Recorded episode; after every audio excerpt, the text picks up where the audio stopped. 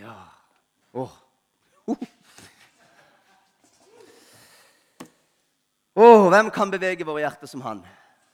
Du er flink, du er, Miriam, til å bevege mitt hjerte. Men du får leve med at du kan ikke bevege mitt hjerte som han. Går det greit? Det er jo veldig godt at hun har møtt det samme hjertet hos far som jeg har møtt. For da kan man si sånt, og så vet vi så godt begge to at sånn er det, og sånn må det være, og sånn skal det være. Det kan være litt vanskeligere hvis man er to i et ekteskap hvor bare den ene er frelst. Så er det ikke sikkert man trenger å si det akkurat slik. Det er lov å være lur. Jeg kommer nok ikke til å preke lenge i dag, for jeg kjenner det at det, det, det har vært sagt så mye, og uh, Gud er her og virker med sin ånd. Og, så vi får bare se hva han har. Hører du meg, Annelise? Du hører meg, gjør du ikke det? Det er bra. Det er viktig å bli hørt, og at alle hører. Hør! Jeg fikk et ord på du, Vi ber jo hver dag her klokka ni. Hele uka gjennom. Fredag, mandag til fredag. Og det er et sånn en møteplass for meg. Sånn viktig nerve å få være der. Av og til ber vi høyt, av og til proklamerer vi. Av og til er vi bare i tilbedelse. Av og til er vi litt stille. Eh, alt dette som Ånden leder oss. Og der får jeg ofte masse. De ser jeg springer etter papir vet du, og penn og skriver og skriver. Meran vet at disse arkene ligger overalt. Eh, men jeg fikk en hilsen, følte jeg veldig sterkt, ifra Herren. Eh, kan ha vært på tirsdag, tror jeg, eller onsdag. For det er så lett Det hadde vært så lett, spesielt for meg som er predikant, som kanskje har det privilegiet. Jeg kan være her hver dag, jeg kan be, og jeg får lest i Bibelen.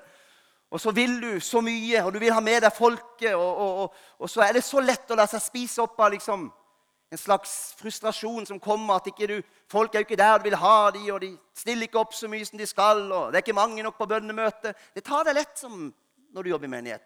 Men jeg ønsker ikke å leve sånn. Og jeg lever heller ikke sånn. Eh, og det ville være den letteste sak i verden ja, til og med få hele gjengen fram her til, til ettermøtet ved å kjøre på og, og, fordømme ditt liv den siste uka di hvor ikke du har fått bedt nok, hvor ikke du har fått lest nok, hvor du ikke har følt deg from nok. Og Jeg mener ikke at ikke vi skal leve i en hvilelse, for det skal vi. Men de aller fleste her inne, vi ønsker jo, gjør vi ikke? Vi har jo møtt Herren, og vi ønsker jo å leve sånn. Men så er det ikke alle uker det blir sånn. Og Da eh, fikk jeg det så tydelig for meg fra Herren, og jeg tror det er fra Herren sjøl, altså, hvor han sier 'Så bra at du er her i kveld'. Han sier at han har venta på deg med glede gjennom hele uka på å få gi deg sitt ord. Jeg setter fram et måltid for deg for å styrke deg, mitt elskede barn. Husk at jeg alltid ser på deg med miskunnhet. Takk, Herre nåde og kjærlighet. Nå vil jeg fylle deg opp og la deg få se hvem du er, og hvem jeg er, sier Herren. Du vet, Jeg har foreldre som er fantastiske. Ikke sant, Miriam? Verdens gleieste folk. Men jeg er ikke så veldig ofte hjemme på lista. Jeg burde jo vært igjen. Dårlig samvittighet. Jeg burde jo vært hjemme mye oftere. Men jeg kommer nå hjem en gang imellom. Det kan gå av og til et halvt år på det meste. Men av og til Bjørn Vatne er mye med på lista. Han har ikke slekt der engang. Eh, jeg vet ikke hva han gjør der, men eh, Han er vel i Kristiansand, og så kjører han bare innom for gamle dagers skyld. Men hør, aldri har jeg blitt møtt i døra av mine foreldre av at Ja, nå er det lenge siden du har vært her, Geir. Og vi har snakka litt om det. Vi syns du kommer for sjelden. Det kan jo være at de føler litt på det. Og det kan være de har snakka seg imellom om at det hadde vært hyggelig om Geir hadde tid til å komme litt oftere hjem. Men når jeg først kommer, så overøser de. vet ikke hva godt de kan gjøre for meg. Prinsen har kommet hjem! Ja, det er sant. Og for mor mi så blir det så mye at vi blir litt slitne. Vi må rømme huset litt. For det, det, det er lange kakekøer, holdt jeg på å si, og kaffekoppene står på rad åtte, syv søstre og én sønn. Jeg har det greit sånn sett. Sønnen, Prinsen er kommet hjem. Men hør, jeg tror det er likt med Gud.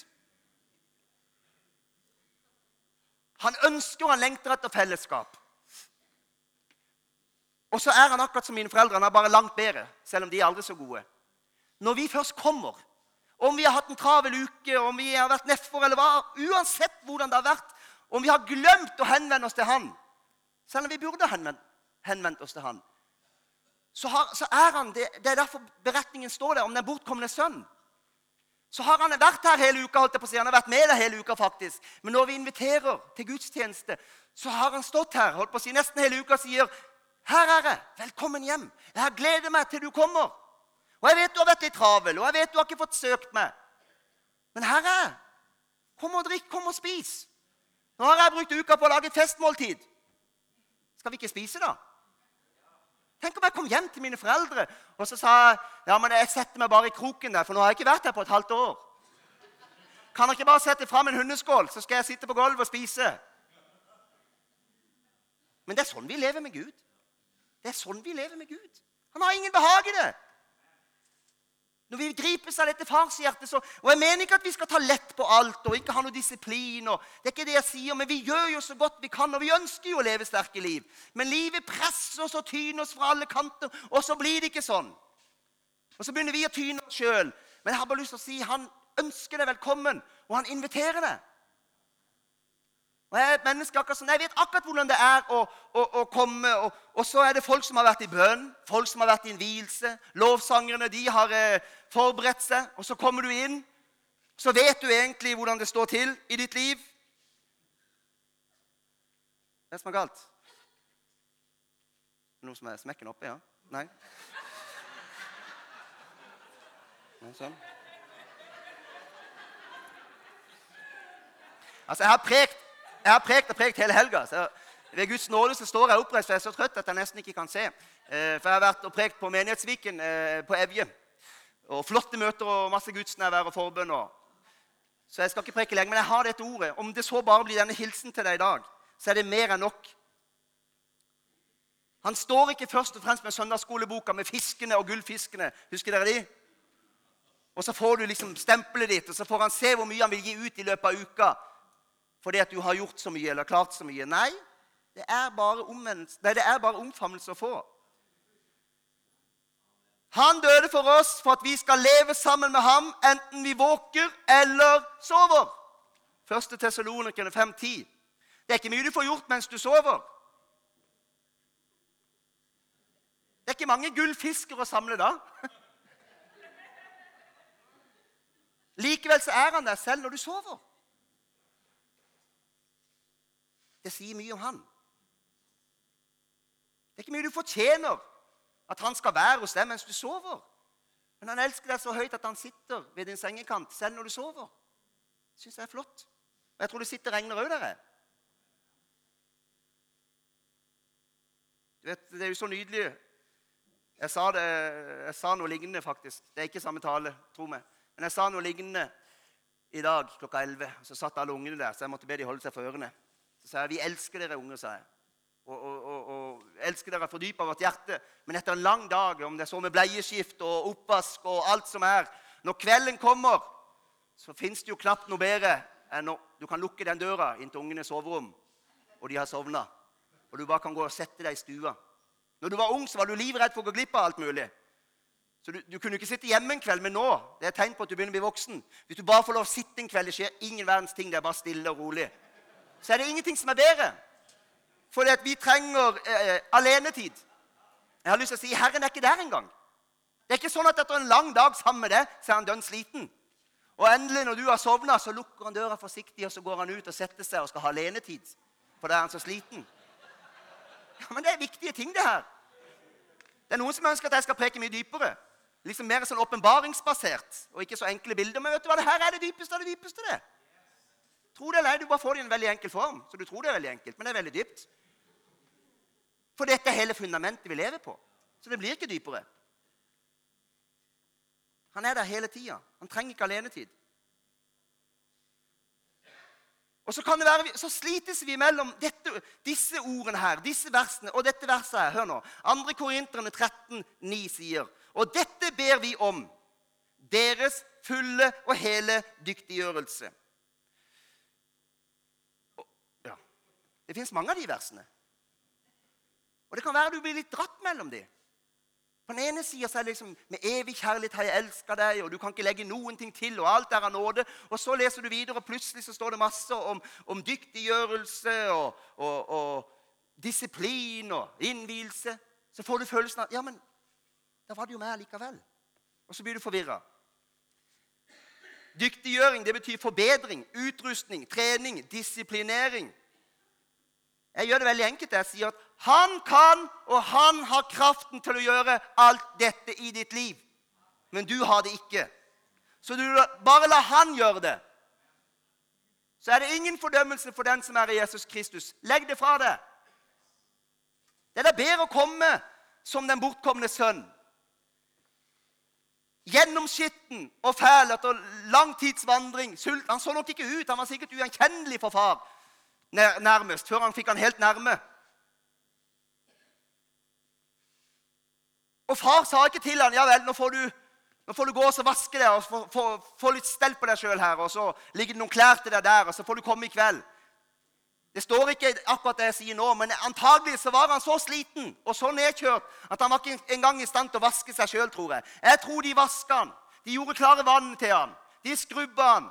Og så står det at de kom med klær og ring. Han fikk komme akkurat som han var, og så ble han ikledd. Han ble gjort ren. Det var ikke han. Han hadde ikke krefter igjen. Så leste jeg litt i studiebibelen om dyktiggjøring. Hva handler det om? Det handler om å gjøre de nødvendige justeringer og reparasjoner, står det. Når jeg var i militæret, så hadde vi noen dager hvor vi sto, eh, sto oppstilt veldig lenge. For det kom en eller annen general eller oberst. Voldsomme presisjonsmålinger. prestasjonsmålinger da. På det verste så hadde de løpt rundt med målebånd for å streke opp hvor vi skulle stå. Men en liten stund før han kom, så gikk befalet vårt det gikk rundt. og Vi gjorde ikke noe annet enn å stå. Det klarer vi til og med. Nesten. Jeg ble tatt inn på kontoret en gang fordi jeg vugga for mye. Jeg klarte ikke å stå helt stille. Men det er noe sånn. Men det eneste jeg trengte å gjøre, da Sånn var det med våpen. Det var å stå sånn. Egentlig helt dørgende stille. Så gikk befalet rundt, og de tok for seg én etter én, og så inspiserte de meg. Og så retta de på berreten hvis den lå litt feil. Holdt på å si, De retta på øyenbrynene hvis de var i øyelokket. Eh, det gjorde de ikke. Men de, de kneppa igjen knappene. Det var ikke noe kjeft å få da. Og de gjorde det faktisk. Og de gikk bak meg, og de stramte opp reima mi så geværet hang der det skulle. Jeg lot de få lov til å shine meg opp til kongebesøket, holdt jeg på å si. Det var ikke noe jeg gjorde. Og det er litt sånn med Gud. Vi kan bli slitne av alle disse versene hvor vi føler det, liksom, det hviler på oss, og det, det henger på oss. Ja, det, det, er mye med dette å ta valg og få disiplin og strukturen i livet. Men til og med der så kommer vi for kort. Til og med der så må vi ha hans kraft og hans styrke. Så vi blir aldri mer enn barn. Du kan bli en utrolig moden kristen. Du kan få de største åpenbaringer. Men du er fremdeles et lite barn som er dønn avhengig av din far. Og jeg har lyst til å si, eh, Det fikk jeg òg på et bønnemøte. at Vi skal vokse. Det står at Paulus han vokste i styrke og kraft fra dag til dag. Ja, jeg tror på å vokse i styrke og kraft. Vokse i kjennskap til Han. Vokse i Den hellige ånd. Vokse i nådegavene. Vokse i profetiske gaver. Jeg tror på vekst på alle plan, men jeg tror det fins ett plan hvor vi ikke skal vokse i det hele tatt. Nå er du spent. Det er ett plan hvor vi ikke får lov til å vokse og ikke skal vokse. Og den dagen vi vokser og vi tror vi blir sterkere, så blir vi svakere. Det er vår avhengighet av Han. Vår absolutte avhengighet av Han. Der skal vi forbli barn fra den dagen vi blir frelst, til vi reiser hjem. Og ikke skal vi være noe annet. Og Paradoksalt nok så skal vi forbli der samtidig som vi vokser opp til, til manns modenhet til å bli åndelig modne kristne. Det er jo litt komplisert. Hvor skal jeg være henne? Du skal være akkurat der. Henger du med? Herren er en sånn gartner som vandrer rundt i, i sin hage, mitt liv, og vanner og steller og prater med blomstene. Og da gror de, vet du. Det har du hørt. Og så fjerner han ugress der det trengs. Og så vanner han. Så tenkte jeg på det, det, det bildet kom til meg. Så kommer han kanskje til en plante der som er både stusslig og masse ugress. og Den trenger sårt til vann. Men så kjenner, den, så kjenner jeg den planten. La oss si det var gartner, da, så vet jeg at den planten er litt nærtagen. Og Den vil ta det veldig personlig hvis han føler at det liksom er kritikk, at han ikke er god nok. Men sånn er vi òg. Men det er ikke sånn det er. Herren ønsker ikke å forbedre det og beskjære det og, og, og på en måte pusse på det, det først og fremst fordi han ikke er fornøyd med det, og fordi ikke du er god nok. Nei, langt derifra. Du må se for deg Herren som en gartner. Du er en av hans blomster. Han vil jo at du skal være så, så flott og stå i så full blomst som du kan. Så det er klart Når han ser det vokse opp ugress, så er det ikke av vond vilje at han røkker det løs av ditt liv. Og til og med når Ånden kommer over oss, hva det står for noe, det stakk dem i hjertet når Peter talte. Apostelens gjerninger 2. Det stakk dem i hjertet. Det har jeg talt om før. Det kan gjøre litt vondt. Men også det er fullkommen kjærlighet. Jeg tror ikke planter har noe særlig følelser. Men om de hadde det, så var det nok vondt å få røska opp alt det ugresset rundt seg. Og iallfall å bli beskjært. Det kan gjøre litt vondt, men det er i kjærlighet. Og han gjør det for vårt beste. Fordi han ønsker ikke at det skal være noe mellom oss og han. Han ønsker ikke at livet skal få komme til og kvele oss, strupe oss, bekymre oss, ta oppmerksomheten vår. Fordi han elsker så høyt. Han, han, han vil stå der og helle av sitt levende vann. Og han vil at det skal være fri tilgang inn i våre liv. Så enkelt er det. Så det er klart, når du har begynt å blokkere den der uh, tuten i toppen der Det begynner å gro igjen. Så det bare drypper lite grann ned i flaska di. Så skal du være sjeleglad for at Herren river av det der dekselet der som du har satt på. Det er kjærlighet, det.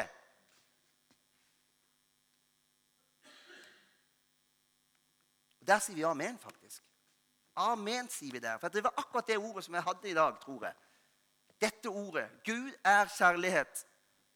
Og han er mye mer òg. Han er hellig, og han er rettferdig. og Han kan til og med være vred, står det. Og det er mange dimensjoner med Gud, men dette er plattformen vi må leve ut ifra. Mange er redd for nådesforkynnelse fordi de og Paulus ble anklagd av de andre for å være altfor radikal med nåden. Og så sier han, 'Skal jeg da synde så nåden skal bli større?' Nei, langt derifra, sier han. Han hadde skjønt noe.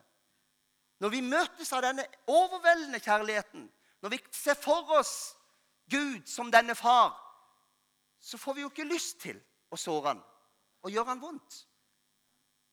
Så faller vi allikevel, men vi kjenner det her inne at det blir noe feil. Og så vet vi samtidig det at han er ikke først og fremst sint på oss, han er bare litt, han er bedrøva. Han er bedrøva. For han vet at ja, nå, nå blokkerte jeg litt. Nå kom han ikke fullt til. Han det er leit. Jeg tror han syns det er leit på mine vegne, faktisk. I stor grad. For han vet at jeg trenger alt av hans kraft i mitt liv. Skjønner dere hvor jeg vil? Amen.